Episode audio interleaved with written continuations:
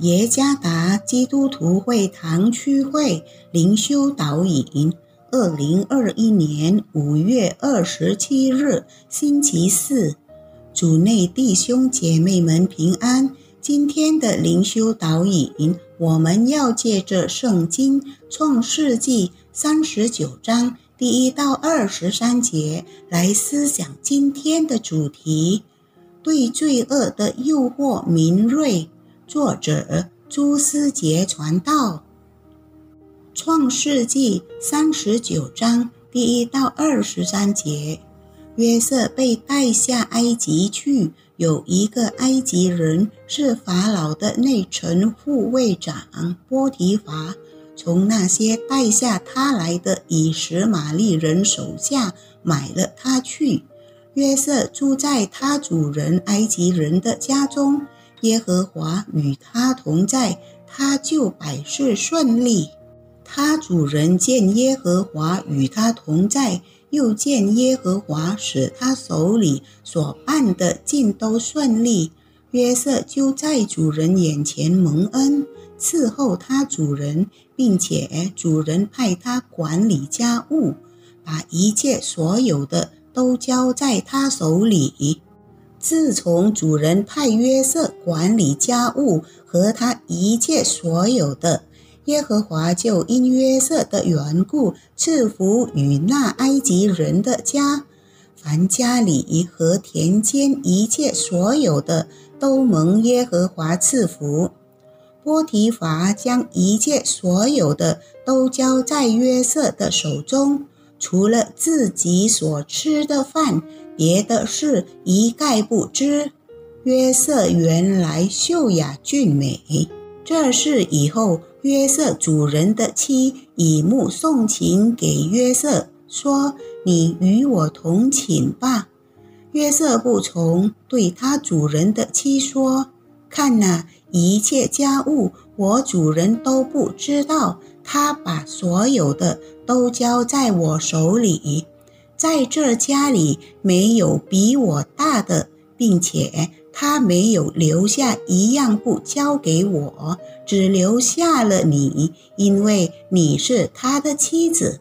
我怎能做这大恶得罪神呢？后来他天天和约瑟说，约瑟却不听从他，不与他同寝，也不和他在一处。有一天，约瑟进屋里去办事，家中人没有一个在那屋里。妇人就拉住他的衣裳，说：“你与我同寝吧。”约瑟把衣裳丢在妇人手里，跑到外边去了。妇人看见约瑟把衣裳丢在他手里，跑出去了，就叫了家里的人来，对他们说。你们看，他带了一个希伯来人进入我们家里，要戏弄我们。他到我这里来，要与我同寝，我就大声喊叫。他听见我放声喊起来，就把衣裳丢在我这里，跑到外边去了。妇人把约瑟的衣裳放在自己那里，等着他主人回家。就对他如此如此说：“你所带到我们这里的那希伯来仆人进来要戏弄我，我放声喊起来，他就把衣裳丢在我这里，跑出去了。”约瑟的主人听见他妻子对他所说的话，说：“你的仆人如此如此待我，他就生气。”把约瑟下到监里，就是王的囚犯被囚的地方。于是约瑟在那里坐监，但耶和华与约瑟同在，向他施恩，使他在私欲的眼前蒙恩。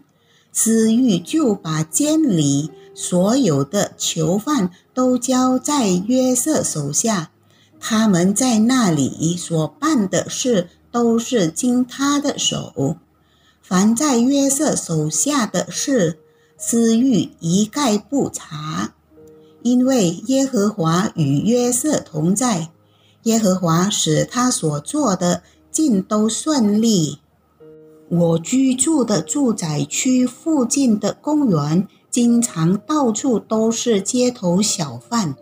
上周，由于禁止在该处贩卖和挤满人群的布告贴在那儿，而变得荒芜，而且有警察驾巡逻车监视，贩卖商当然不敢冒这个风险。但是今天公园却热闹起来了，即使禁止贩卖的布告仍然贴在那儿，贩卖商也不再去理会。况且不再有警察巡逻监视，他们更加敢于营业。一位油炸食品贩卖商掩面笑着对我说：“先生啊。”这就是印尼呀，禁止归禁止，是嗯的规则。顺服圣灵引导的人对罪的诱惑很敏锐，他们能够区分是与非。这并不意味着他们不再犯罪，而是他们很敏锐地不再故意犯罪。不趁机或利用情况，当他们将要犯罪时，圣灵会在他们的心里做提醒。这就是约瑟的人格。当被波提乏的妻子引诱他犯罪时，约瑟选择不这样做，不是因为尊重他的主人波提乏，而是因为。怕会使上帝悲伤，即使我们仍然活在世上，并且有时软弱于抵抗犯罪的诱惑，这并不意味着我们可以自由的犯罪。许多人使用这样的实际理由来合理化这种行为态度。他们说失误了，这是人性啊，或。上帝一定体谅我的处境。顺服圣灵引导的人将很敏锐地分辨上帝眼中的是与非。